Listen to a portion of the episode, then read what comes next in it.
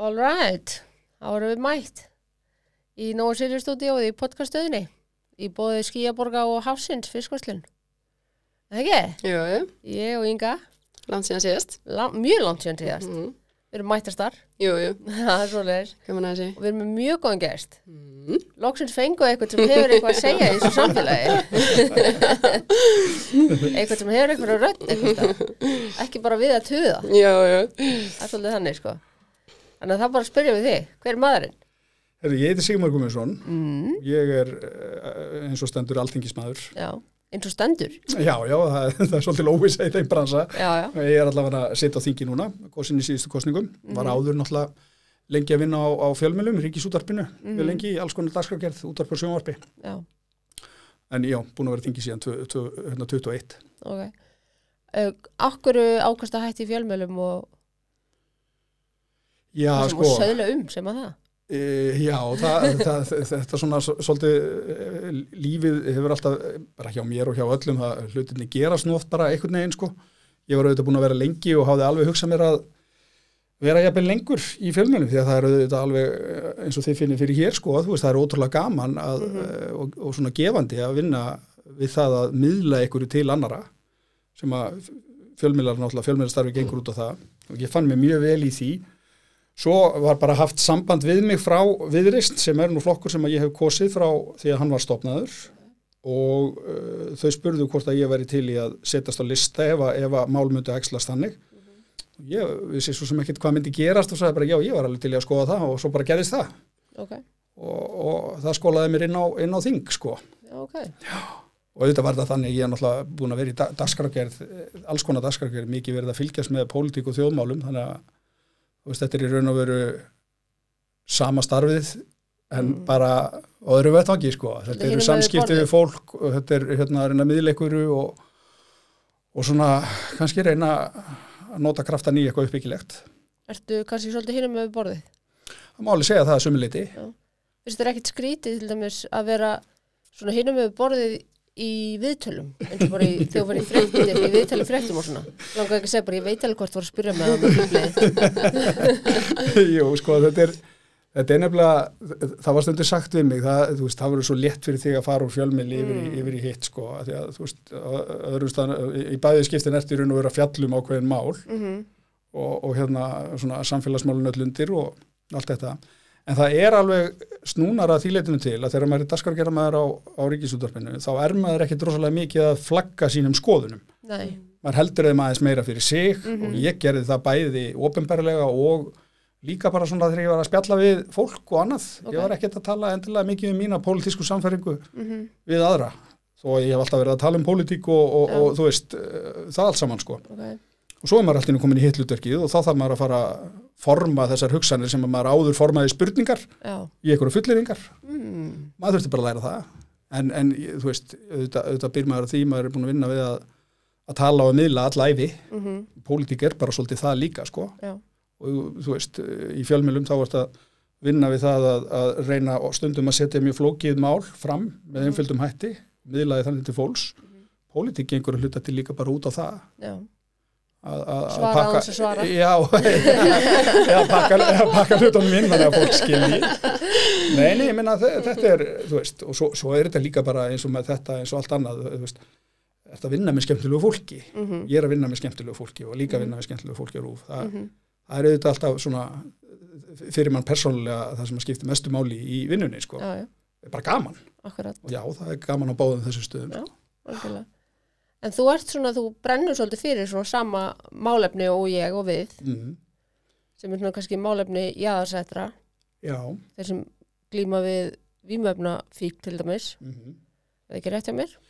Jú, ég geri það og það, það auðvitað litast bara minni persónulega reynslu, ég er Já. óvirkur alkoholisti og ég hef verið að glíma við þennan uh, sjúkdóm. Mm uh, bara alla mína fullorins tíð. Ok, og þú veist, gengið alveg á ymsu í því og langar og góðar etrugöngur og ég hef líka farið í gegnum föll já, og hérna þekki þar að leiðandi vel uh, þennan sjúkdóm frá eh, öllum hliðum vil ég segja sko. Mhm, ég á mjög auðvelt með að, að, að tengja við það þegar að, að fólk er í miklu vanda þótt að sé ekkit endilega kannski á sama stað og ég hafi verið í lífinu, ég hef náttúrulega margt með þennan sjúkdóm samt verið rosalega lánsamur og heppin, það hefur oft verið rosalega mikið góðu fólki í kringum mig og, Já. og ef það hefur bjátað á þá hef ég alltaf haft stuðning vísan Mhm. mjög víða, Ok, það er ekki þannig með alla nei, nei. en það fólk er líka bara með nákvæmlega sama sjúkdóm og ég en það er bara í annari félagsleiri stöðu Mhm. og ég þekki það svo vel bæði úr fjölmjölunum og af minni persónulegu reynslu og af þessu stutta tíma sem ég er búin að vera á þingi að fólk þarna úti það upplifir svo mikið ráðalýsi það er svo það, það er svo örvendingafullt það er svo stór hópur þarna úti sem er að þjást svo gríðarlega mikið. Og svo, það er svona heldar upplifum fólks sama hvort að það er fólk sem er e, statt í vandanum sjálft eða fólk í kringu það að við erum ekki að gera nógu mikið til að grípa. Mhm. fólk veit ekki nógu mikið um hennar sjúkdóm þótt að það hafi breyst alveg gríðarlega mikið. Og skilningur kerfisins er ekki nægjarlega mikil. Mhm. Þetta er, þú veist, það segir sig þetta bara sjálft þegar maður hefur þessa persónulegu reynsli svo ég, Mhm. að þá auðvitað skila það sér einhverju leiti því sem ég var að fjallum í fjölmjölum og auðvitað skilar þá líka því að, að þegar að þessi mál eru til umræðu að þá tekum maður þátt í umræðinni og reynir að setja þetta á dagskrá eins og, eins og kostur er. Ég, ég bara raunverulega trúi því að því miður sé það þannig að þessi tiltekni sjúkdómur og allar afleðingarnar af honum, bæði á samfélagið, fjölskyldur og alla, þetta er svo miklu, miklu, miklu starra og alvarlega mál heldur en að fólk gerir sig grein fyrir. Algjörlega. Við erum ekki að bregðast við í samræmi við það. Algjörlega og ég og Tinnu vorum að ræða bara í gæri, þú veist, við erum búin að heyra svo oft núna undan þessa samlíkingu, þú veist, COVID eða bílslis eða þú veist, ef að jafn margir væri að deyja úr einhverju öðru, þú veist, það væri lungu búið að grípa inn í, sko. Og mér finnst COVID svo góð viling, eða þú veist, út af bara um leið að gerast bara allir í, hérna, sótkví og bara öllu vinnustöðum lokað og bara allt gert, einhvern veginn. Uh, nú er ég náttúrulega líka edrú, sko, þú veist, og um, er endalast að horfa á hópin minn deyja. Já. og einmitt, ég, sko, þessi vannmáttur og þessi örvending sem þú talar um mér finnst ég bara búin að vera konstant í þessu ástandi núna bara síðustu tvö árin. Já, já. ég veit ekki hvað mér bóðið, bara 11 jarðafæri fyrra eða eitthvað. Þetta er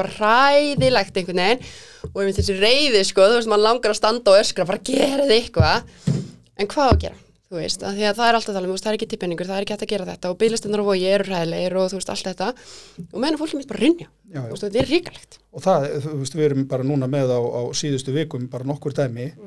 Og þetta feruðu þetta ofta ekkert hátt. Nei. það segir svo þetta sjálft að eins og, eins og þeir eru að nefna, sumt að þessu fólki er mjög jaðasett, staða þess er bara mjög erfið, á kannski ekki mikið neti kringu sig þótt að það sé allur gangur á því og auðvitað er það þannig að, að þegar fólk deyr að hérna, aðstandendur er, er ekkit endilega alltaf að flíka því eitthvað mikið í fjölmjölum að ástæðan sé alkoholismi eða, eða vímöfnavandi en við sjáum alltaf myndirnar af þeim sem látast í bílslýsum við erum mjög meðvituð um uh, alls konar að þegar það tengi sig einhvern veginn inn í allar fjölskyldur.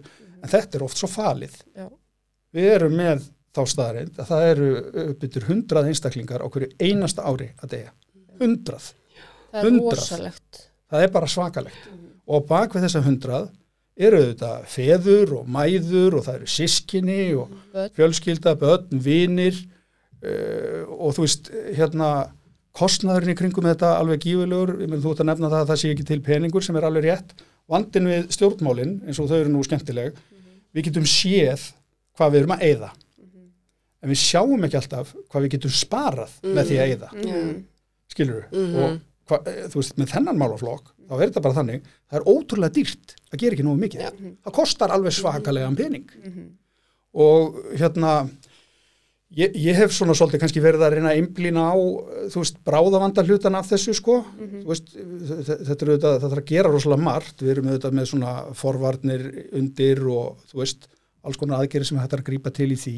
En fólki sem er veikt núna og er að deyja núna og fjölskyldunum þar í kring það uh, forvarnar hlutin eins og hann er mikilvægur hann hjálpar því ekki núna. þannig að bráðavandin eru þetta sá að þarna út er veikt fólk og við erum ekki að sinna því nægilega mikið. Ég menna ég, ég hef, hef aðeins verið að við ekki aðtekla á því að, að núna þekk ég til í, í fjölskyldu þar sem að, að hérna, það kom upp krabba minn Já. og svo veiki er strax tekin af helbriðiskerfinu uh, það er skurðlæknir tiltækur það er krabbamesslæknir tiltækur og það er hjúgrunafræðingur sem fylgir viðkomandi í gegnum ferlið. Ef þú ert með fíknisjúkdóm þá þarf það að ringja og það er sagt við þig við getum kannski ekki gert neitt fyrir þig fyrir eftir einhverja mánuði. Auðvitað er það þannig að menn reyna að forgangsraða í plássin og allt þetta og, og við vitum alveg hvernig það er. En oftar að þannig að veikasta fólki þarf að býða lengst vegna þess að það er kannski búið að koma aftur og aftur og í meðferð. Og uh, þar eru þetta bara unni frá einhverju hugmyndafræði sem að fólki í, í meðferðarstarfinu þekkir. En það er svo mikilvægt að þegar að og þú veist, við vitum það alveg að fólk vill ekkert alltaf hjálpina. En þegar að rofar til í haustum á okkur og við erum til í að gera eitthvað í okkar málum við finnum það að það er alltaf brenna þá verður eitthvað að geta tekið okkur. Það þýðir ekkert að Bara segja við hérna virkan alkoholista þú bara því miður þú voru að koma aftur eftir þrjá mánuði. Fyrir að fyrsta það er ekkert víst að viðkomandi verður lífi eftir þrjá mánuði. Mhm. og það er heldur ekkert víst að eftir þrjá mánuði þá sé þessi vilji til þess að sækja batan í gangi þannig að þetta er ráðavandi og það er ekki hægt að hafa þetta allt eh, niður njörfað í einhverjum byggistum. Ég veit að þetta er á fleiri stöðum svona í helbriðiskerfinu og þú veist, en að því ég var að vísa í sko afleðingarnar af því að taka ekki þennan hóp og hjálpa honum þegar hann vill hjálpana, hjálp, hjálpina, það eru svo miklar, það eru svo miklar fyrir svo stóran hóp. Það verður svo mikið sorg, það verður svo mikið vonleysi, það verður svo mikið reyði og við getum ekki haft þetta svona lengur. Við verðum að horfast í augu við að Hvað þarf að gerast? Já, varðandi bráðavandan, þá er þetta kannski fyrst og fremst það að það þarf auðvitað að fjölga meðferðarímum. Við erum auðvitað með frábært starf sem að margir er að vinna hérna á Íslandi, þú veist, Grísuvík, við erum með SOH og við erum með hlaðgerðarkot og fleiri aðila sem er að vinna í alls konar verkefnum, skadamingun, frú ragneiði og, og, og, og allt þetta sko.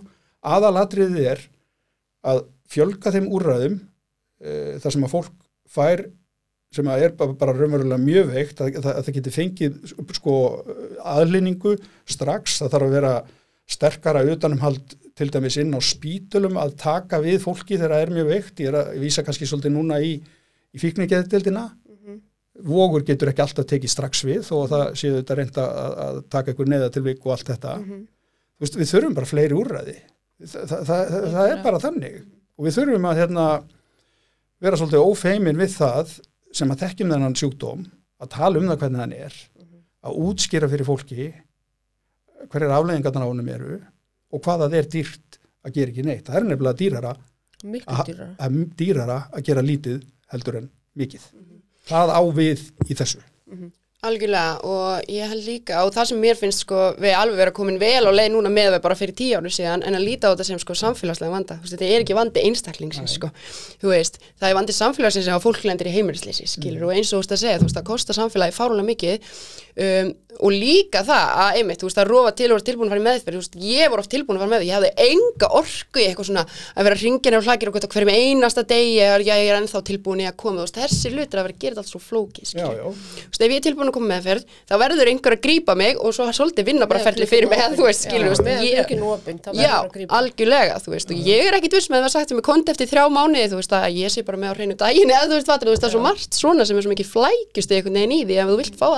ég, já. Já, þetta er ofta reynt að útskýra fyrir fólki. Ég er stundum að tala um það að, að hérna, því að ég hef nú, uh, þú veist, eins og ég segi, ég hef með fallsögu líka þó ég hafi verið edru alveg langstærstan hlutan frá því að ég fór fyrst í meðferð, hérna, 96 held ég hafi verið. Bara lang flest árin síðan er ég búin að vera edru og, og langstærstur tímin verið bara í góður, sko, þá hef ég, uh, hérna, misti í mig líka, sko. Og það er svo erfitt að útskýra fyrir fólki hvernig heilin í alkoholista er. Það er svo mikið að órökreitri hegðun hjá okkur og það er svo erfitt að útskýra það fyrir fólki sem hugsa á rökreitan hátt. Já. En þannig er það bara Já, og við verðum að mæta því þannig. Og ég stundum að nefna, þú veist, tökum bara tvo einstaklinga sem að fæðast á, á, á, á svipiðum stað og, og hérna félagslega aðstæða þeirra er kannski í upphafi e, bara svipið.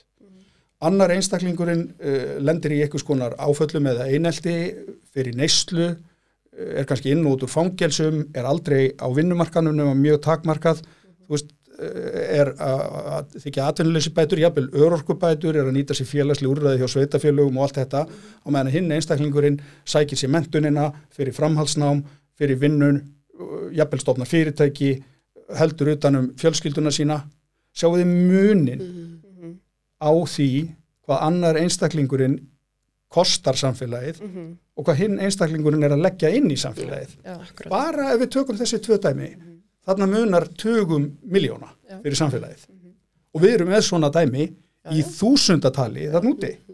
Og við, við bara einhvern veginn skiljum þetta ekki. Það eiga bara allir að fara eftir þessa ríkisleið sem er búið að ákveða allir passa inn í. Já, já, svo er það líka annað, sko. Þú veist, hérna bara svona almennt frelsi fólk til þess að vera eins og það er. Það skiptir auðvitað gríðarlega miklu máli. Maður sér, þú getur séð á barni sem er bara, er ég grunnskólakennari í grunninn, Mm. þú getur séð á krakka sem er sko stundum, auðvitað ekki alltaf, stundum getur að horta á tíra barn og þú veist í hvað stefnir sko. Mm Já, erum við nægilega flink að skanna þetta og grípa inn í með úrræðum og annað? Ég er ekki, ekki, ekki, ekki nóg flinkið því, nei, nei. ég er ekki vissu, en, við, veist, en ég ætla samt ekki að tala niður það sem er gert. Nei, sko. það er margt gott Já, skilur og allt það alveg 100% en það sem við gerum ekki nóg vel að mínu mati er að við erum ekki að sko komið vekk fyrir eldana. Við erum alltaf að reyna að slökka eldana þegar þeir eru löngu kveiknaðir sko.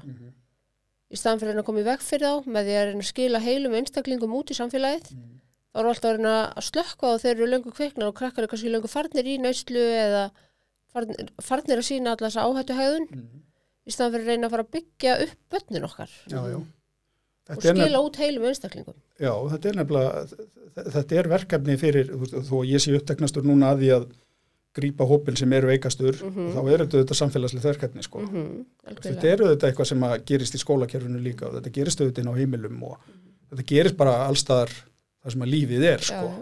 Þú veist, hversu, hérna, e- eitt í þessu sem er líka flóki, sko, sem að menn eru auðvitað alltaf að reyna að velta fyrir sér, sko, okkur verður þessi alkoholisti en ekki hinn. Þetta eru auðvitað sjúkdómur sem eru meðan og ekki, en það eru auðvitað hægt að, hérna, eh, færa mjög góð fyrir rök, rök fyrir því að, að því betra atlæti sem að fólk elst upp í og, og, og hérna, býr við, því kannski minni líkur er á að það byrja að drekka snemma og allt þetta og það bara það voru svona meiri líkur á að mönnum farnist betur í lífinu. Já, en við klárlega. ekki gleyma að þetta eru þetta bara sjúkdómur. Heilin í fólki sem að er með hennar sjúkdóm, hann virkar öðruvísi heldur en heilin í fólki, hann tekur öðruvísi við áreiti, hann þólir áreiti með öðrum hætti og sem er kannski líkiladrið, vímuefni virka öðruvísi og þennan heila heldur en heilan í öðrum. Það er bara, þar er eitthvað stjórnleysi og oft er þetta náttúrulega það að, að fólk sækir bara í breytt ástand af því að það er að deyfa sig fyrir einhverju. Það, það, það er bara það er óöryggi, mikið umróti kringu fólk, að flýja. Já það er að flýja. Og þú veist, ég held að allir alkoholistar þekki þetta vel að þú veist, vera kannski heldteknir af streitu eða vanlíðan eða eitthvað, þá veit alkoholistinn að það sem að getur róa hann akkurat núna er kannski vín eða dóp eða, eða hvað það er. En hann veit líka alveg að það er ekkit endilega að fara að skila honum færslega til niðurstöð til lengri tíma litið, en hann hugsar ekki um það. Hann er bara, hann er bara að býða eftir að fá þessa ró í hausinn akkurat núna sko. Og þegar þú fær svarið það er hægt að gera fyrir því e- fyrir en eftir sex mánuði. Veist, hva, hvað gerist í millitíðinni? Eins og þú ert að lýsa, streitan við að reyna að koma sér í meðferð, streitan við að vera einhvern veginn á hnefanum og reyna að halda sér í etru þanga til að plássið kemur sko. þetta er bara ekki þannig að að, hérna, að, byðlistar þú veist, fólk deyr á byðlistunum Já. bara í, eins, og, eins og bara í hrönnum sko. Já. og þú veist, veist fólk ekkert, ég, ég, ég fór inn hérna fyrir allmörgum árum, fór ég til Svíþjóðar og leitaði með hjálpar þar, þar var talsvert af Íslendingum í meðferð. Já. uh, þetta var ekki stór hópur uh, af þessu, og það voru svíjararna líka. Af þessum hópi eru þrýr vinnir mínir dánir. Tveir svíjar sem ég veit um Já. og mögulega fleiri því að ég veit auðvitað ekki hvað varðum alla, alla svíjana sem að þarna eru Nei. þetta er fyrir einhverjum kannski tíu árum tiltrúlega lítill hópur íslendinga þrýr dánur og sjúkdónum sko. Já. og þetta er falið þetta eru, þetta eru sjálfsvíg og líka auðvitað hérna, ofskömmtun og annað þetta er ekkit skráð í jú, þetta er kannski skráð sem livja hérna, andlátt í tilfellinu þar sem er um ofneslega ræða en, en sjálfsvígin eru auðvitað ekki tengt við þennan sjúkdóm bara nei. Bara skráð öðruvís í kerfinu þess vegna getur verið erfitt að átta sig stundum alveg á umfanginu Já. en við sem að hérna þekkjum þetta eitthvað, við vitum að, að, að þó að þetta sjáist ekki allt þá er þetta, Já. þetta er það Mhm. og mér finnst við bara að vera svolítið sofandi sem samfélag Já, já, klálega, Ha. 100% samanlega því. og þetta er líka sko æ, ég meina það er líka stundum er það þannig að það er örglega fyrir fólk sem þekkir þetta ekki það er erfitt að hafa samúð með einhverjum sem er kannski falla aftur og aftur Já. Mhm. og er búin að brenna allar brýra baki sér jafnvel búin að vera í ábrútum og það er jafnvel ofbeldi og annað sem oft tengist þá neslunni sko. Já, já. en svo saga er ekki endilega einstaklingurinn, fattiði mig Mhm. þannig að hérna þú veist, það vantar svolítið upp á þennan, þennan skilning það segir sér sjálft að þeir sem eru í mesta vandanum að þetta er fólk sem hefur orðið einhvern veginn hotnrega í samfélaginu það fylgir þessu fólki oft af, af brot því að það er að fjármagna neyslu það geta fylgt þessi ofbeldi og þar leðandi getur verið erfitt stundum að hafa eitthvað sérstakar samúð með og allt þetta, þið vitið alveg hvað ég er að Já, tala um algjörlega, Já, já. algjörlega. og það síðan kannski mögulega litar afstöð okkur til þess hversu mikið er að gera í málafloknum. En svo er eitt sem er svo skríti líka, það er að, þú veist, ég er mikið að tala um þetta hérna nýri þingi og við erum nokkri þingmenn sem eru mjög mikið að tala saman um þetta okkar á milli því að það er alveg þannig að það er fólk í öllum flokkum mjög áhugasamt um að, að gera miklu betur Ok, það er enda gott að heyra það. Já, já, og við höfum öll skilning á þessu og við viljum öll gera meira en samt einhvern veginn þokast þetta svolítið, svolítið hægt og ég held að það sé vegna þess að það er ekki allir þarna búinir að kveikja á því að með því að uh, eigða peningum í þetta að þá ert að spara svo mikið annar staðar. Eins og ég var að nefna á þann þú sérð útgjöldin en þú sérð ekkert endilega sparna en þú getur ekki reiknað hann út fyrirfram. Þú getur ekki vitað ef ég ætla að setja 100 miljónir í þetta þá mun það spara 200 miljónir á næstu þrjumur þú getur ekki reiknað það út sko. Fattiði? En fyrir þá sem að þekkit eitthvað, þá er þetta svo augljóst. já, já, Þú veist, bara segjum sem svo að hérna, þú sért með fjölskyldu, bara fimm manna fjölskyldu og það er einn virkur notandi, þá eru hinnir í fjölskyldinu nánast óvirkir, sko, Já, já. bara vinnulega séð, fóreldrar eru bara geta varlega tekið þátt í samfélaginu. já, já, Þú veist, sískinni, allir þeirra, það er allir bara ónýtir. já, já. Þa, af það er, áhyggjum og þú veist, með því að hjálpa þessum veika sem eru virkri nöyslu það eigur lífsgæði allra hinna já, já og hérna e, og oft er það þannig að, að þeir sem að standa næst þeim veika, þeir þurfa mikla aðstóð líka sem að Já. verður auðvitað líka einhvern veginn að algjörlega hálfur samfélagsins og við höfum til dæmis í mínum flokki verið að eh, leggja það til að, að, að ríki niðugreiði sálfræði þjónustu sem myndi auðvitað hjálpa til dæmis í þessum tilfellum sem að þú ert að nefna. Þú veist, það er alveg hægt að gera eitt og annað sko. Mhm. og ég er svona að ég einhvern veginn þú veist, svo þekki ég það svo vel úr fjölmiðlunum sko, að það kemur eitthvað sorglegt upp. Veist, allt í hennu koma aðstæðendur eitthvað sem að deyr fram í fjölmiðlum Mhm. og svo saga vekur gríðarlega aðtikli og þá fyllast allir því að það þurfa að gera eitthvað og annað. Svo deyr umræðaninn á milli og allt þetta. En ég- er ekkert að halda því fram hérna, eða reyna að blekja fólk með það að það sé hægt að leysa þennan vandi eitthvað í eitt skipti fyrir öll. Nei. og meðan það eru til vímuöfni og meðan að fólki líður alls konar og félagslega staða fólks er alls konar þá verður þessi vandi til staðar. Við hljóttum að leita hins vegar leiða til þess að reyna að lámarka skada en við getum aldrei sko við erum löngu búin að tapa stríðinu við fíknefni við erum aldrei að fara að útrýma þeim. Nei. ég held að það sé alveg klárt. Já. bara við mjög lest Ísland árið 2000 það er, það er, það er búin að tapa þeim leik sko. já, já, Algjörlega. en, það- en það var það aldrei raunhæft markmið. Nei, nei, það var aldrei reynætt markmið. En En þetta er svo erfið umræða af vegna þess að það er líka sem ég hef tekið eftir sem er auðvitað líka mjög eðlilegt sko. Þegar það er uh, það er mjög auðvelt fyrir stjórnmálamenn að ef á að fara í einhverjar aðgerðir að þá er auðvelt að banna eða Já, þrengja já. að eða takmarka og allt þetta. Ressa bara meira. Ég, hérna, að því að ég nú tala mikið um bráðavandan að Mhm. Þá eh, er ég ekkit, eh, þú veist, eh, mjög endilega upptekinn af því, sko, hvar er ég að selja vín eða hvar ekki Nei, eða, nei. eða allt þetta, sko. Mhm. En, og ég, ég, þú veist, forvarnastarf og allt þetta, við erum náttúrulega bara að tala um þetta hérna, skólakerfi, fjölskyldur og allt þetta, þetta Já. þarf auðvitað að vera í lægi, sko. Mhm. Við mögum aldrei, hérna, einhvern veginn, þú veist, láta það vill okkur sín að auðveldustu lausninar geta endilega verið bestu lausninar. Þetta er ósvæmlega erfið umræða, þú veist, Mhm. er bannstefnan heppileg? Er heppilegt að vera með það í gangi?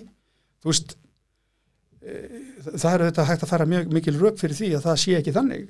Við erum að banna fullt af vímöfnum, þau flæða hér hins vegar út um allt. Já, já. Við erum ennþá á þeim stað að áfengi er það sem að meldum mestu skaði í samfélaginu. En Það er það er neyslan- fólk trúið því samt ekki Nei, nei, enda er neyslan mest á því, sko. Já. Og svo eru hérna þessi vímöfni, þau fara svona mis, misjaflega með fólk og, og allt þetta.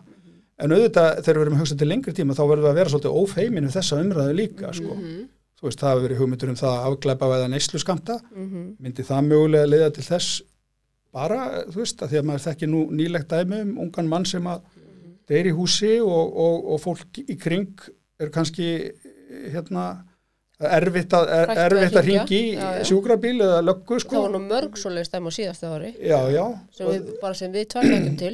Já, já og, og þetta, þetta heyr við, ég menna þetta segir sig þetta bara sjálft að, að fólk sem að er á slæmum stað með öðru fólki á slæmum stað og það kemur eitthvað upp. Menn er ekkit æstir í að ringi lögregluna sko. Menn er ekkit æstir í að ringi þú veist, það er tilnefing til þess að fara bara Já. í burtu sko. Sem er Og það, hræðilegt. sem er hræðilegt. Og í þeim aðstæðum deyr fólk. Mhm. myndi það mögulega lagast ef við verum að afklappa veða neyslu skamta veist, ég ég held ekki að þykjast vita svörin við þessu.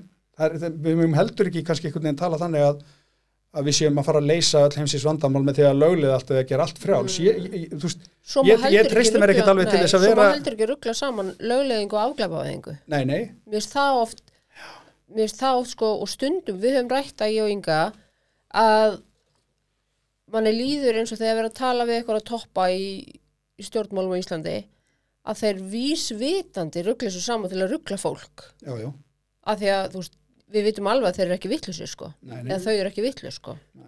En það er auðvitað þannig að þeir sem að, veist, þeir sem að trúa því að, að afklapavæðing sé rétt, þeir trúa því af samfæringu og uh, eru virkilega þeirra skoðunar, þeirra skoðun muni hjálpa samfélaginu. já, já. Þeir sem eru hinum einn eru líka þannig, sko. Já, Þeir, veist, þeir bara virkilega trúa því að leiðin þeirra sé, en oft er það samt betri þannig svo ég gripi fram í já, oft er það samt þannig að þeir sem trúa því alls ekki og bara gott og vel, fólk má alveg vera ósamála Mhm. en þeir sem trúa því alls ekki það er oft eins og þau tali eins og afglæpaðing sé lögleiðing já, já, já, já. þú veist að því það er tvent mjög ólíkt Við höfum verið að tala um það í mínum flokki að, að, að afklapavæðin geti verið, hérna, eh, sagt, eh, skynsanlegt fyrsta skref og það væri hægt að meta mögulega reynslun af því, hvort það ætti síðan að ganga lengra og annað. Eh, veist, þeir sem að tala mest um að löglega hér veist, það, það- er líka mjög óþrósku umræða því að hvað þýðir það að löglega? Eru þá einhver fyrirtæki að fara að flytja inn einhver efni og hver á að kaupa þau og hver á að selja þau og já. Þetta er, þetta er ekkit hérna, einföld umræða, ég meina, þú veist, menn hafa verið að löglega kannabisefni hér og þar í bandaríkjónum. Uh, sumstaðar hefur það reynst illa, já, já. annar staðar hefur það ekki reynst eins illa og eru þá einhverjar svona, hvað var að segja, einhverjar aðstæður þar í umhverfinu eða samfélagsgerðinni eða eitthvað sem að hafa þar áhrif á, já. skilur er, er, er ein löst, hentar hún hér en kannski ekki þar. Mm Þú veist, þetta er, þetta er bara, meni, það er ekki að líka saman kannabisefnum hérna á Íslandi og kannabisefnum sem er verið að selja í búðum í bandaríjónum það er tvent mjög ólíkt já, já, Um, en það sem er líka sko, þú veist, og einmitt eins og kemur þetta er náttúrulega mjög viðkom umræð og fólk er Já, já. algjörlega, þú veist, og það já, var maður skapast finnir það sjálfur þegar maður er að taka Já. þátt í henni, þú veist, Já. þegar maður vill ekki, Viltu ekki stuða? maður vill ekki stuða og maður vill heldur ekki að því að maður er sjálfur að segja að þeir sem að trúa ykkur ákvönnu Mhm.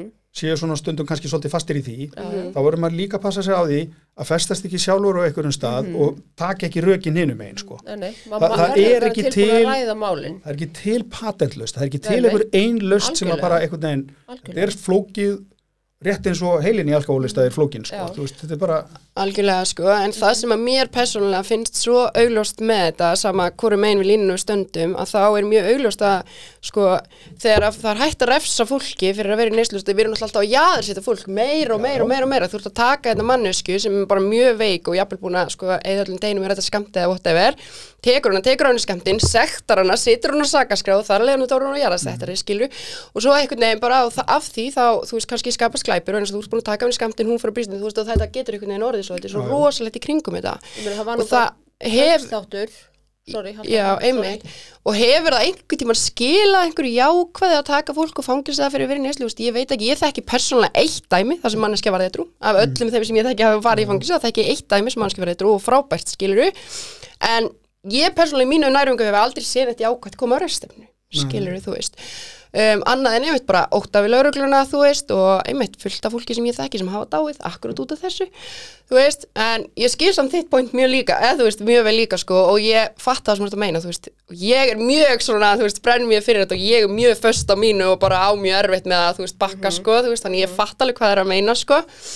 En allavega, mín persónulega skoðun er algjörlega svo, það verður aldrei neitt jákvætt komið af þessu, sko Nei, það er, það er mjög margt neikvægt sem að hefur fyllt þessu, það er auðvitað risastort neðarægara hagkerfi sem gerir það að verkum að efni sem er ekkert dýrt að framleiða, ekkert endilega dýrar að framleiða heldur en sigur og kveiti og eitthvað mm dót sko, er allt í einu orðið rándýrt þegar kemur á markað hérna heima, fólk þarf einhvern veginn að fjármagna neysluna fyrir því og, og, og þeir sem að vestur stattir eru auðvitað ekki að vinna eða, eða, eða þannig sko, þannig að þar kemur auðvitað bara til annarkort eitthvað félagslega aðstóð eða, eða, eða kostnaður sko, veist, það er endalust að rökum gegn hérna, þessari bannstefnu sem að eh, hefur einhvern veginn verið úræði heimsins í gegnum tíðina, eh, svona víðaskvar mm -hmm. en þú veist það er bara erfitt að taka þess umræðu Já, það er bara flókið vegna þess að e, það er svo auðvelt það er svo mannlegt einhvern veginn að, að, að, hljót, að, draga þá áleiktun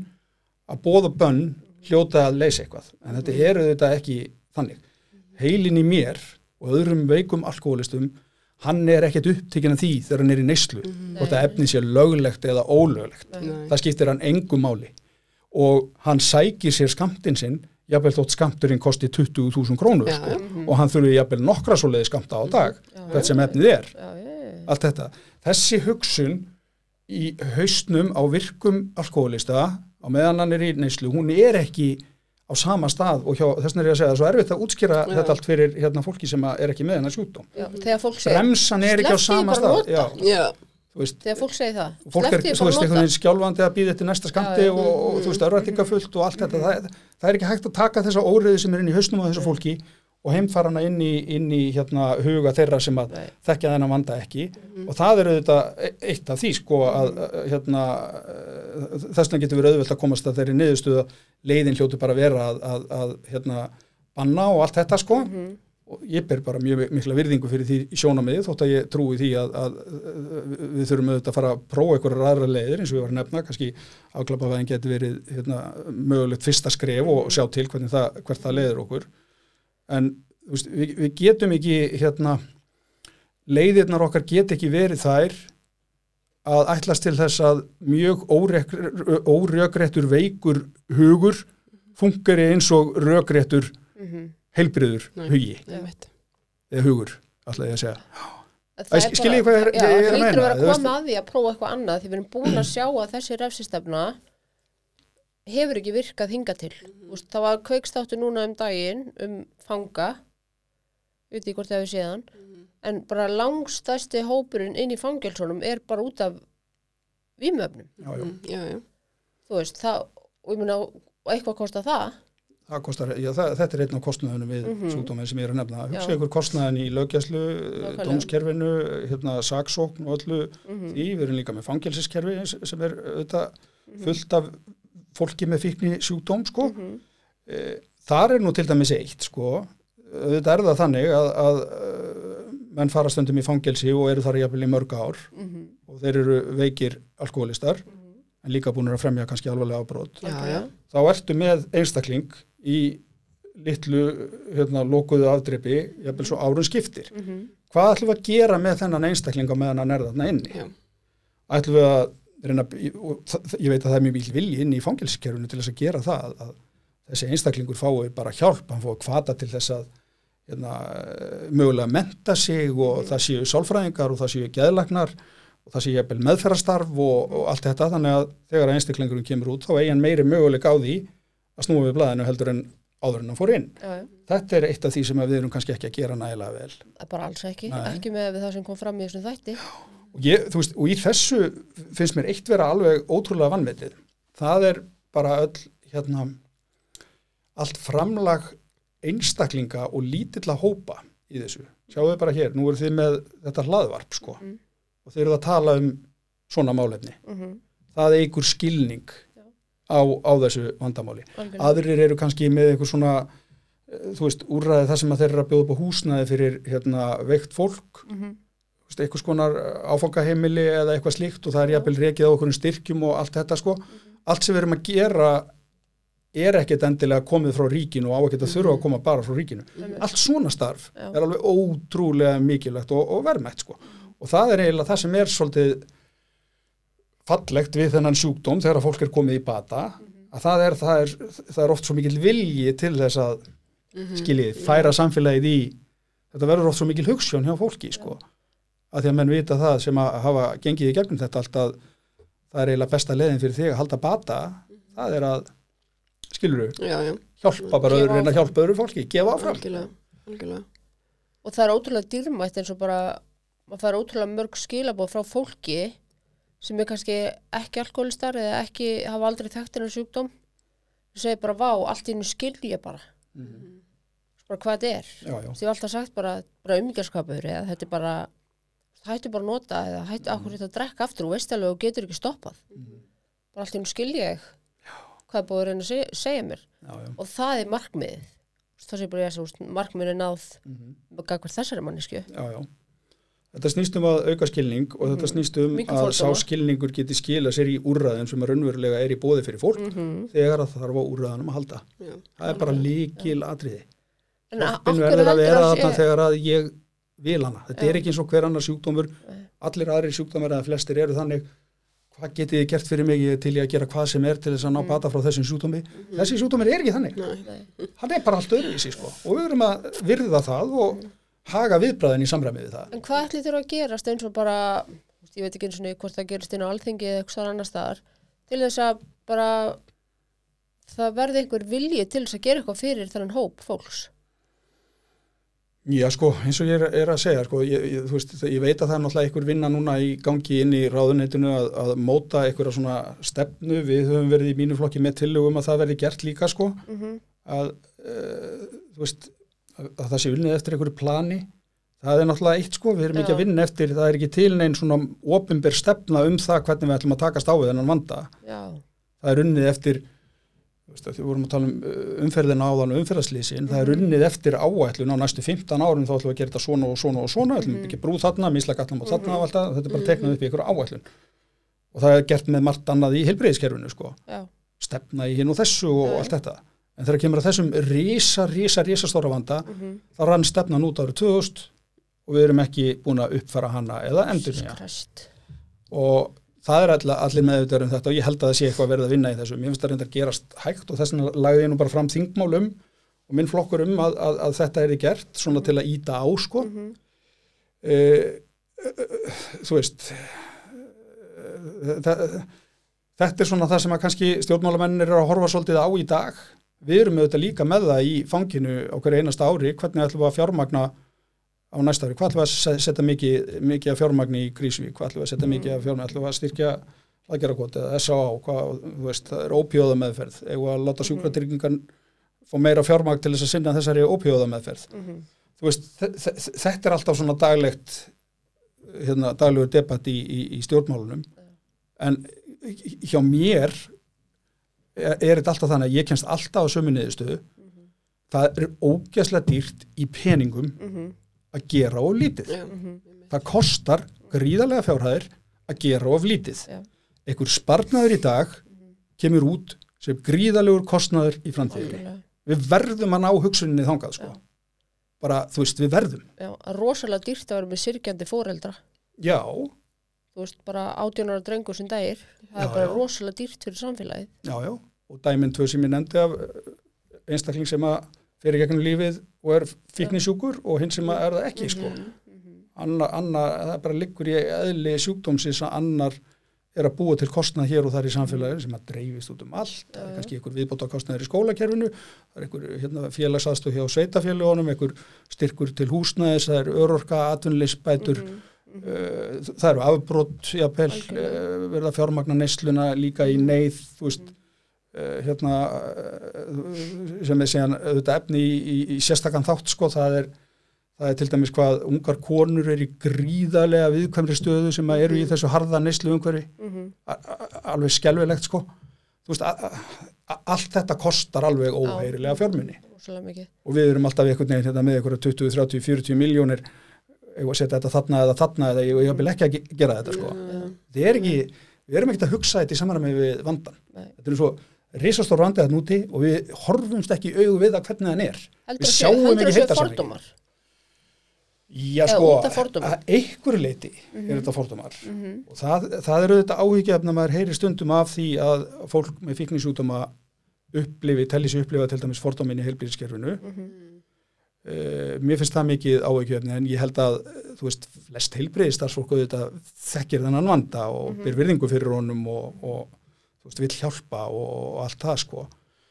Jú, ég var að nefna þetta áðan, þú veist, uh, hérna, það er svo erfitt að skilja þennan sjúdóm, það vorst ekki með hann. Það eru þetta kannski ekkit endilega fordómar, heldur meira svona bara, ég veit ekki Bara betur, já, ég bara veit ekki betur, Mhm. en þú veist, ég hefði haldið að, uh, að því að mér finnst þetta að tegja sig inn í flestar fjölskyldur sko, Mhm. með einum Já, hætti. já, við já. þekkjum öll eitthvað sem að er uh, alkoholisti eða er í neyslu eða allt Mhm. þetta. Og við verðum að vera bara svolítið áttuð á því að ef að við öll þekkjum svona dæmi, Mhm. hvað haldið þið þá að þau sé eiginlega mörg sko?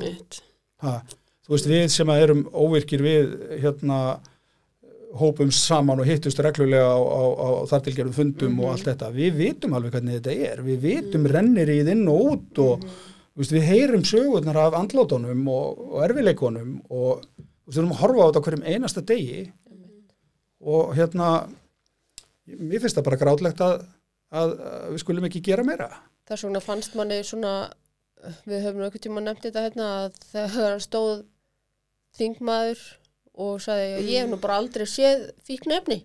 Já, Já, talaði um sem smitsjúkdóm líka sem er Já. svo ríkaleg vannvinning sko. en eitt samt sem er mjög jákvæmt sem ég langar að koma að sinna fyrst að það er nefni heilbriðiskerfi vinnu minn er að byrja núna læknanám og það var alveg tekinn sérkurs og bara, þú veist, það var bara talað um fík talað um bara við, þú veist, við erum að reyna að minga fordóminu heilbriðiskerfisins og bara tekinn upp alls konar dæmi og verkefni Gekja.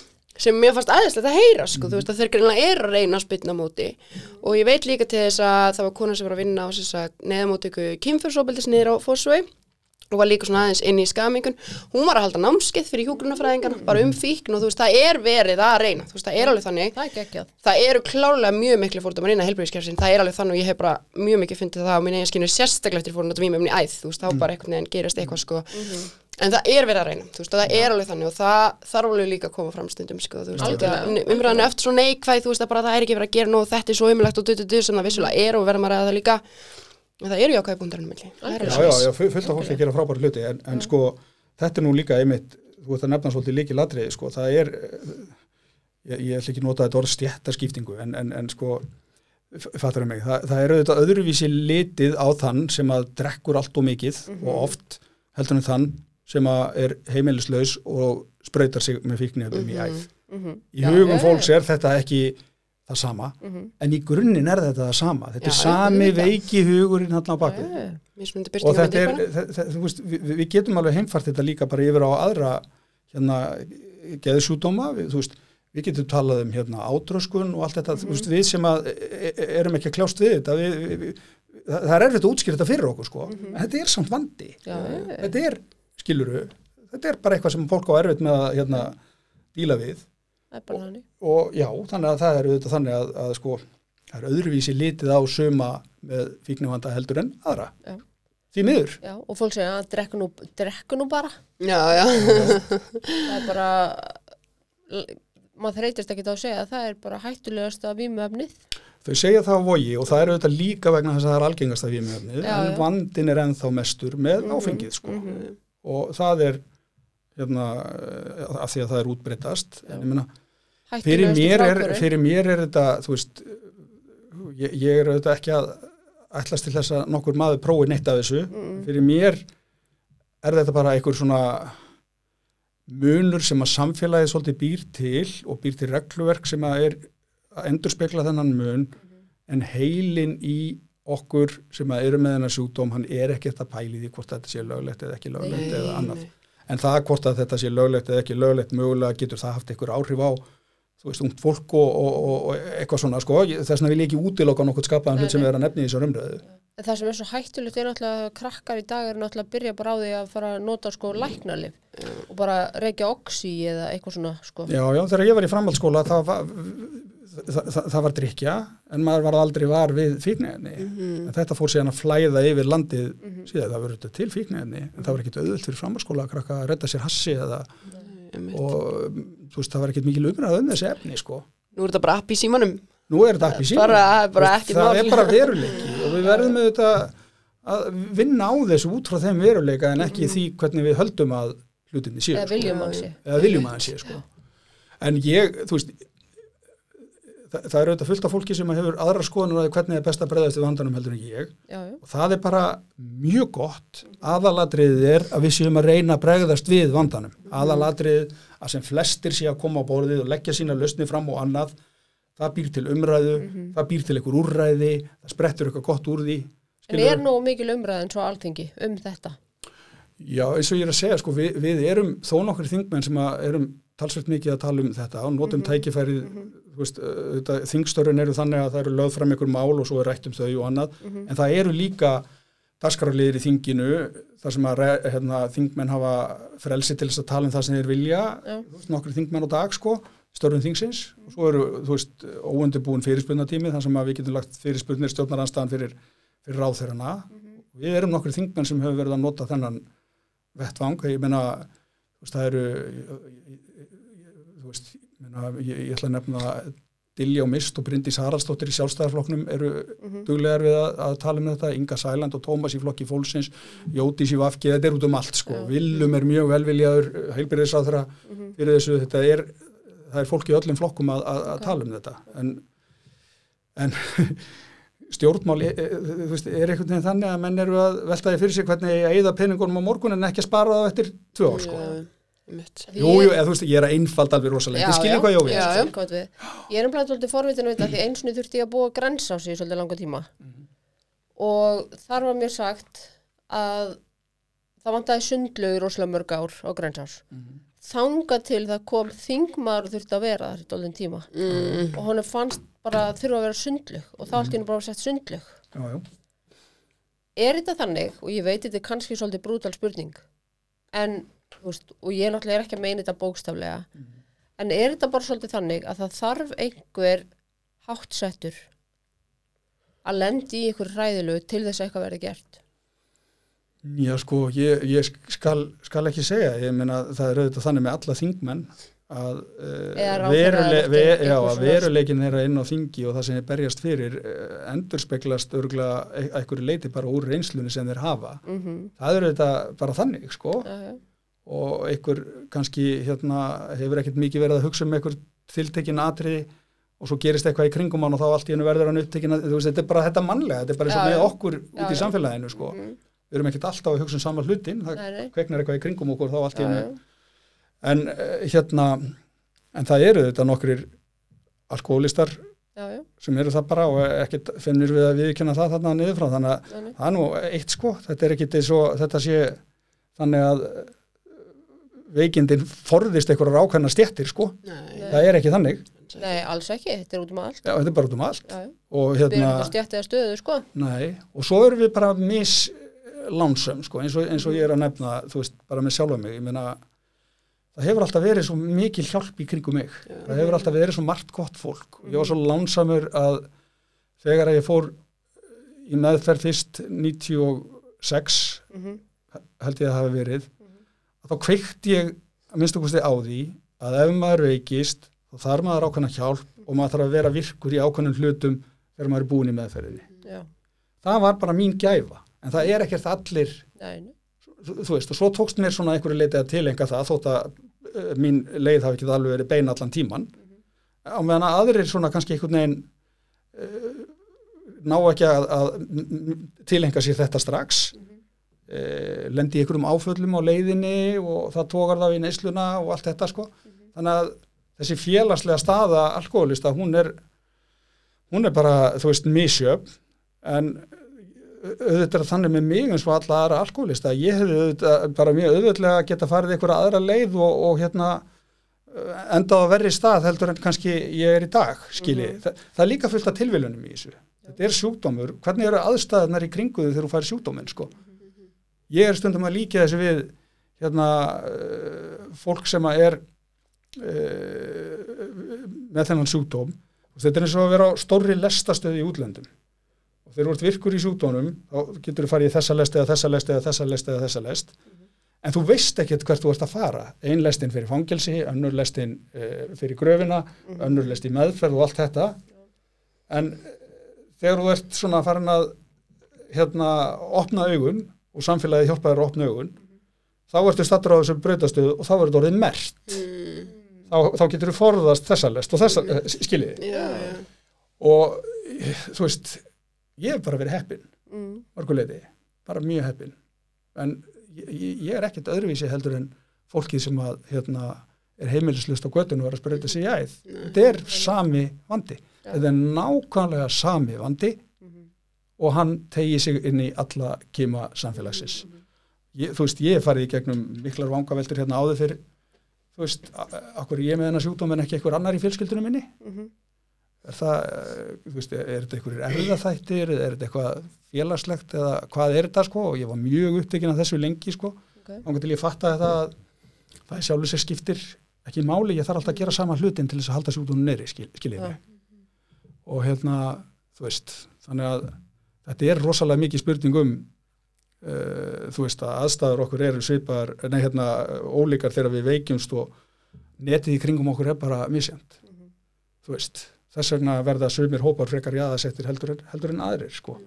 Þess vegna upplifið að þetta liggi rosalega mikið í fjölskyldum. Það eru þetta þannig að ef mikill alkoholist einn á einu heimili þá eru þetta miklu líkur á því að börnin uh, alist upp í þeim aðstæðum að það verði þeirra hlutskipti líka sko. Já, veist, þannig að þetta er þannig að þegar við erum alltaf að kalla á og, og þú veist, það eru þetta aðrir sem þekkja þetta miklu betur heldur en ég í sjálfu sér sko, þegar við erum að tala um þennan vanda heilstætt sko, að þá hérna og ég sé svona upptekinn af meðferðarúraðarum og þá er þetta, þetta inn eins og þú komst inn á hérna í uppæði sko, þetta eru þetta skól, skólakerfi líka þetta eru fjölskyldunar og þetta er, þetta er samfélagslegt.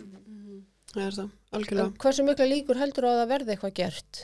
Svona á næstu, ég veit alveg að það er ekkert að fara að gerast núna á næstu mánuðum, skilur Nei, ég, ég er ekkert endilega bjarsinn á að það verði einhver sko, mikil umpólin í þessum málaflokki á næstunni, sko, því miður. Þú veist, ég, ég finnst allir vera rosa velvilja í að þurfa að gera meira. Við erum ofsalega ráðfróta og það er líka þannig að þó við séum öll sammálum að það þurfa að gera meira, þá erum við kannski ósamálum leiðirnar að því markmiði, sko. Þannig að þetta er flókið og þetta verður alltaf flókið. Það eina sem ég veit er það er hellingur af veiku fólki að núti, það er hellingur af fólki að deyja, við erum að missa er, bara, við erum að missa börn Já.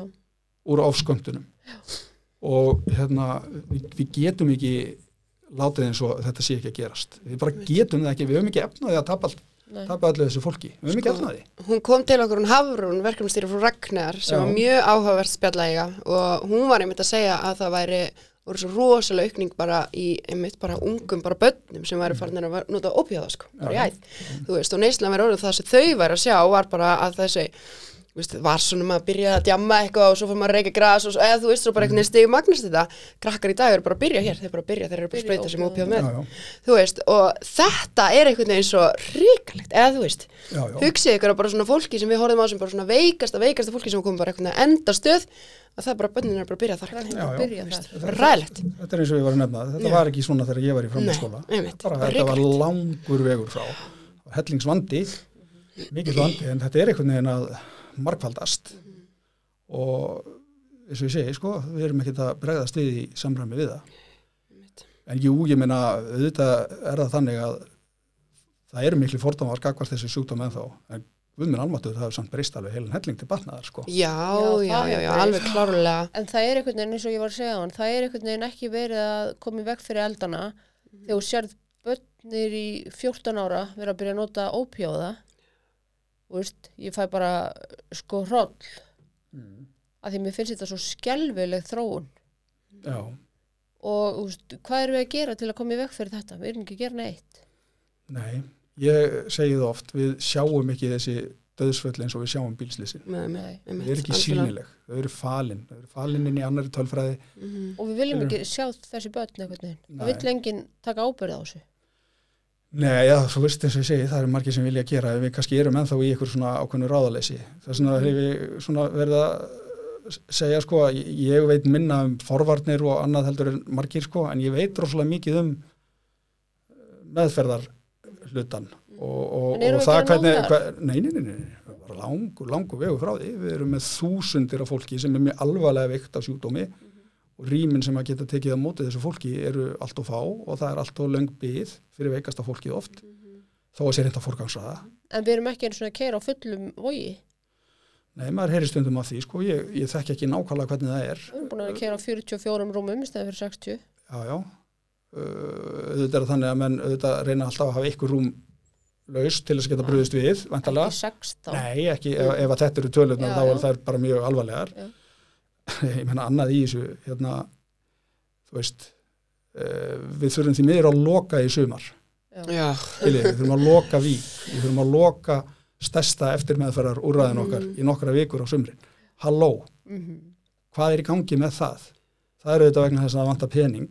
Getum við ekki að minnstakosti gert þetta þannig að þau rými sem eru til, það vantar starfsfólk og, og þú veist, þetta, þetta, er, þetta er svo oft spurning um peninga, sko. Já, já.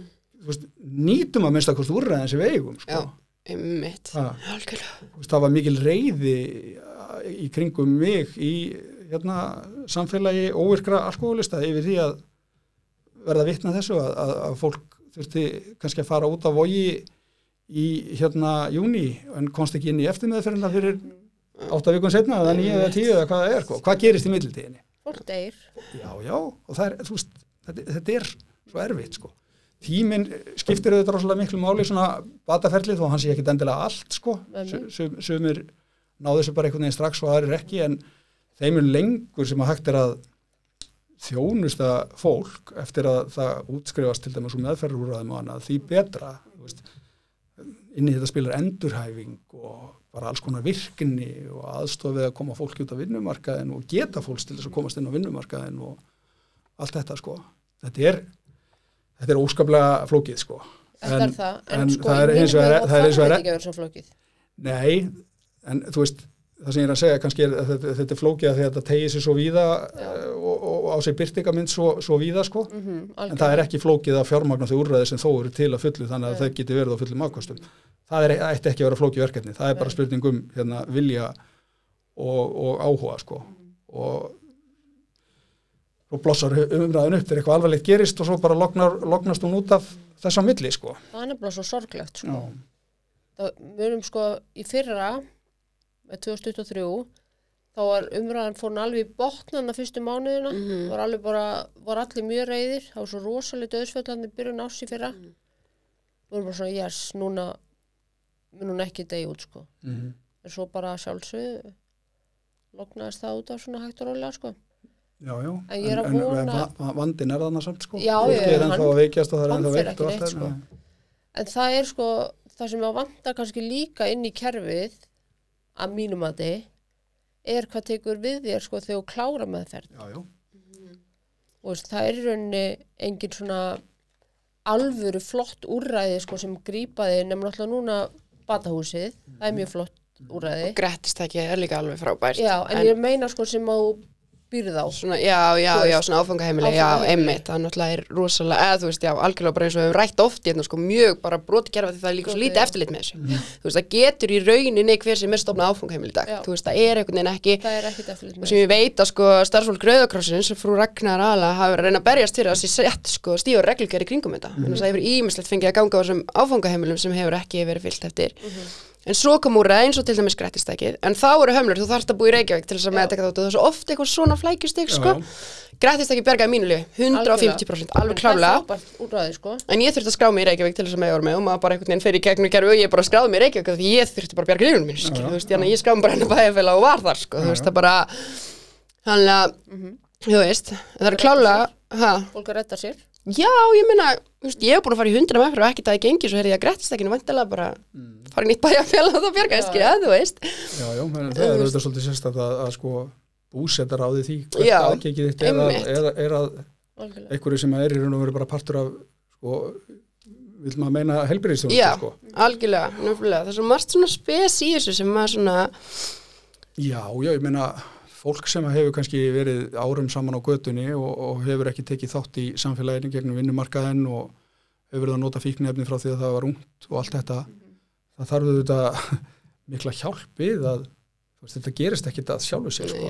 það er stuðning til þess að komast út í lífið. Við algjörlega, verum auðvitað hérna, átt okkur á því að þó að það kosti eitthvað að veita þennan stuðning þá verum við að taka einstakling úr því að vera kostnaður fyrir samfélagið í það að búa til verðmætti fyrir samfélagið. Og Algjörlega. þá er ég bara að tala um peningana tölum síðan um hitt líka sem að er þú veist fjölskyldan í kring og hérna öll, öll eimdin og það allt saman sem fylgir öðru hlutskiptinu Mhm. og hvað öryggi í kringum viðkomandi verður allt miklu meira algjörlega, eftir að hérna, hann fær hjálp og nær bata.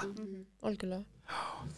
Þetta það sé nefnilega, það gleymist oft sko, bara klárar þína fjóra vikur á vík eða eitthvað, svo bara gangið vel, Já, já, næstu sjáum sér næstu meðferð já, já. En svo eru við þetta, þú veist, laðgerðarkoti með, er það ekki þrjá mánuði og Jú, krísuvík með krísuvík sex, sex. sex, en þetta er ekki, liggur líka í hlutarinn segli að þeir sem er að bjóða upp á svona langtíma úrræði, þú veist, eins og krísuvík Mhm. og eru með takmarkað hús, húsnæði bara eins og, eins og eru þetta skiljanlegt að þetta eru þetta ekki margir einstaklingar sem að fara í gegn yfir árið af því að meðferðin er löng. Já. Einmitt. Þess vegna erum við ekki að setja nógu mikið í Mhm. Þennan hluta. og þau eru líka með hömlur sko klárlega úrræðin sem að kannski veikasta fólki okkar þyrti langt um úrræði. Ég til dæmis get ekki farað þangað vegna þess að ég er á uh, búðdal meðferðinni ég er á ópíóða meðferðinni og þeir eru ekki velkomnir á krísuvík að gera gott. Þú veist, þannig að í rauninni er það bara S.O.A. sem að ég get leitað til og jú fíkningi að deild en í rauninni er það bara S.O.A. og ég er búin að fara þar til dæmis gegn hundrasunum skilur það hefði verið ótrúlega gott að komast í eitthvað langt um úrræði og geta lagst inn. Mm. það er ekki eh, nákvæmlega og þú veist, ég meina S.A.A. er til dæmis alltaf að vekja aðtikla á því að ég held að sé að þjónusta 300 einstaklinga í uh, ópíóða viðhaldsmeðferðinni -hmm. en uh, sjúkratrygginga borga fyrir 80 eða eitthvað já, svoleiðis sko. einmitt og þetta er það dæmi er eitthvað sem skiptir sko, verulegu máli algjörlega, algjörlega gali hversu mörgum lífum ætli þessi ópíómeðferð sé búið að bjarga sko. Já, já. Veist, það er bara alveg ég held ég hefði aldrei nokkuð til að reyta því bara það að komast í gegnum frákvörun og þessu er, eða þú veist, fattar þú Já, já. ferð ekkit einn úrstöður í gegnum morfinfrákur Nei. það er bara ekki séns sko og svo bara hvað þetta getur haldið niður fíknir þetta heldur manni miklu betur jafnbæði, þú veist, og hafa einhvern veginn þú þarft að mæta þryggja vegna fresti, þú ferð í sprautu, þú veist, að fara í pissutest, þú veist, og þetta er aðhald líka, sko en það er einhvern veginn bara svona S.O. á þig að þannig komar á að segja, skilur þú Já, veist, að ef Já, það já. hefur ekki gengið upp, væri gott að hafa fleiri úr það Já, já, en þetta til dæmis allt, þú veist, við, við, við hérna, þú veist, það er ekki allir stjórnmálamenn sem þekkja þetta. Nei, nei, og sig eðlilega ekki á því hvað þetta er mikilvægt og allt þetta. En uh, ég held að það, það sé allir sammálum það að þessi, þe- þessi hluti af, af starfin okkar hefur, hefur gengið mjög vel, sko. Hjálpa mjög mörgum. Mhm, algjörlega Skilja, Og það eru, þú veist, þetta eru svo marg, það, það er það sem ég er að meina þegar þetta er flókið. Þetta eru svo margir staðir sem að sjúkdómurinn hefur snertifleti við, sko. og það er þannig, þetta er náttúrulega mjög flókið fyrirbæri, bara fíknisjúkdómi sko. Já, já, og þetta er ekkit bara, og þú þarft í rauninni ekki að díla við sjúkdómiðin fyrir þú hættir að nota sko. nei, nei, þá fyrst þarf það að díla við hausinu þér. Já, já. og veist, fólk fattar það ekki, hættu bara að nota. Nei, nei, og það, það tekur langan tímastundum fyrir fólk að ná bara jafnbæði í hausnum og fólk er að sveiflast alveg svakalega. Þegar það er komið yfir er- erfiðustu frákvörun, bara andlega sveiflur og þegar bóðefna kerfið í heilanum okkur er náttúrulega bara algjörlega í ruggli sko. þá er fólk náttúrulega viðkvæmt og það er lítið áreit oft til þess að menn fara út af spórinu. Þetta er auðvitað eitthvað sem fólk hérna þ- þekkir ekkit almennlega nema menn hafi í raun og veru sjálfur verið þarna eða séu raunverulega að vinna í þessum bransa sko. já, já, og eðlilega Þetta, já, eðlilega, en þetta þarf fólk samt að vita. Já, já, Þannig að þetta er, þetta er, þú veist, það er auðvelt að ræða sér niður á einhverja patentlausnir en ég er ekki endilega vissum að þær séu samt til, sko. Þetta er svo margþætt. já, þetta tegir út um allt sko. en það sem er náttúrulega alvarlegast í mínum huga og ég veit þegar sammála er bara þessir ungu krakkar og bara börn sem við erum að missa sko. Mhm. og einhvers stað þurfum við að byrja ég held að það sé svona ég held að það sé grunnurinn að þessu við verðum að byrja einhvers staðar að taka á þessu vanda Já, já. Og það eru auðvitað rökin hjá þeim sem að vilja stýra kannski með einhverju verðlægning áfengi eða aðgengi eða einhverju slíku, sko, að það sé tæki til þess að fresta því að fólk byrja að nota vímugjafa, sko.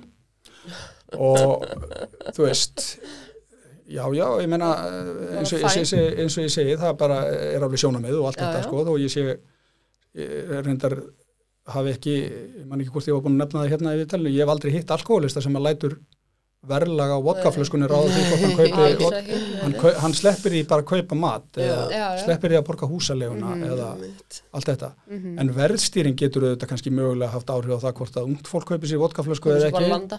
Já já, það, svo er það annað sko mm veist, en þetta er bara umræða sem ver, þetta verður að vera á borðinu líka Já, við verðum að, já. að hérna, tala, um, tala um þetta allt sko Algjörlega. en uh, þú veist, það er þetta sem er svo flókið að útskýra fyrir fólki sko. Mhm. þú veist, ef, að, ef, að, ef þú ert alkoholisti og þú ert illa þjáður af fík Mhm. þá sækir þér efnið sem þú ætlar að nota bara sama hvað Já. og þú þurfur að skrýða milli sveitafélaga þá gerur það gerir það, já, og sumir eru þar að þú þurfur að brjótast inn og stela þá gera þeir já, það og sumir eru þar að þú þurfur að lappa út frá börnunum sínum Mhm. þá gerir þeir það. Já, já, þetta getur ekki útskýrt fyrir Nei, fólki sem er ekki það en En við verðum samt að reyna að skilja það. Já, en svona í lokin uh, er aldrei til umræðu að hafa fólkið með í þessum pælingum, í þessum umræðum? Fólkið sem hefur actually vita á þessu Jú, ég, þú veist, það er þetta kannski gerist að einhverju leiti gegnum meðferðastöðanar og, og það er ofta að kalla hinn og þessa að borðinu, sko, en þú ert kannski að tala um þá sem að bara þekkja mikla neyslu af eigin raun og eru komnir í bata og Já, eða bara þá sem, já, bara þá sem að þekki þetta, þú veist. já, þú veist, ég held að að við sjáum þetta núna stundum að það eru hópar hjá heimilislausum sem að eru í neyslu Mm, en eru að berjast fyrir því að þeir fá einhver úrræði. Mm maður tekur alveg eftir því að, hérna, að þó að þessir einstaklingar komist í fjölmila og sé að segja alla réttu hlutina mm, þá er kannski ekki hlusta það því að þeir eru ennþá í neyslu sko. mm. Þetta er auðvitað að eitthvað nátt svona þú veist það er svo auðvelt að afgreða fólk sko, domgrindin er ekki lægi og það er alveg rétt að vissu leiti en Mhm. auðvitað getur fólk sem er í miklu vanda haft einhver áhrif á það hvað er rétt að gera og annað. Þú veist, þetta er bara, við verðum bara á öllum sviðum að vera algjörlega fordómalaus fyrir því að hlusta og reyna að taka það út sem getur gagnast. mm, Við eigum ekki að vera búin að ákveða það fyrirfram að þetta virki alls ekki og þú veist, við, erum bara á þeim stað að við þurfum allar góðar hugmyndir inn í, inn í, inn í bankan sko. algjörlega. En ég meina, þú veist, ég get alveg sagt það að veist, þingið virkar þannig að, að það eru þetta þegar kannski einhver, einhver mál sem að þessu tengjast fara inn í velferðarnemnd eða inn í nefndir eða eitthvað, þá er náttúrulega, þú veist, kallað fólk að borðinu fyrir nefndina til þess að útskýra málaflokkin og allt þetta. Mm Ég hef nú ekkit endilega trú á því að það hafi oft gerst að það sé verið að kalla mikið til með beinum hætti fólk sem að þekkir þennan vanda af eigin raun, en auðvitað gerist það samt að einhverju leiti vegna þess að þeir sem er að vinna í málafloknum er oft þú veist, fólk sem að hefur farið í gegnum Já. þetta sko, já, Já, mitt. skiljiði. akkurat. Algjörlega. Þú með eitthvað að loka minga? Nei, er þetta ekki bara fín lokaverð? Ég held það. Bara takk æðislega sem ég fyrir að mæta. Já, bara takk fyrir að bjóða mér, mjög gaman að hérna, koma til ykkar þótt að umræða sé þungt og erfið sko. Skemmtilegt spjall. Já, já, þetta er bara, við þurfum að tala sem víðast, við þurfum bara að láta öll í okkur heyra, alveg sama hvar við erum stödd. Já, það þýr ekki verið bara fíla að maður gerir ekki neitt. Nei, við verðum bara allega rödd, við verðum að, að, að, krefjast þess að á okkur sér hlustað. Nákvæmlega. Við erum allavega ekki tættar. Nei, nei, nei, þess vegna var ég að segja það, er margt í aðstóðinni sem að er ekki endilega á forræði ríkisins eða stjórnmála, Mhm, það er frábært. Nákvæmlega. Takk æðislega fyrir að koma. Takk fyrir mig. Takk fyrir að hlusta.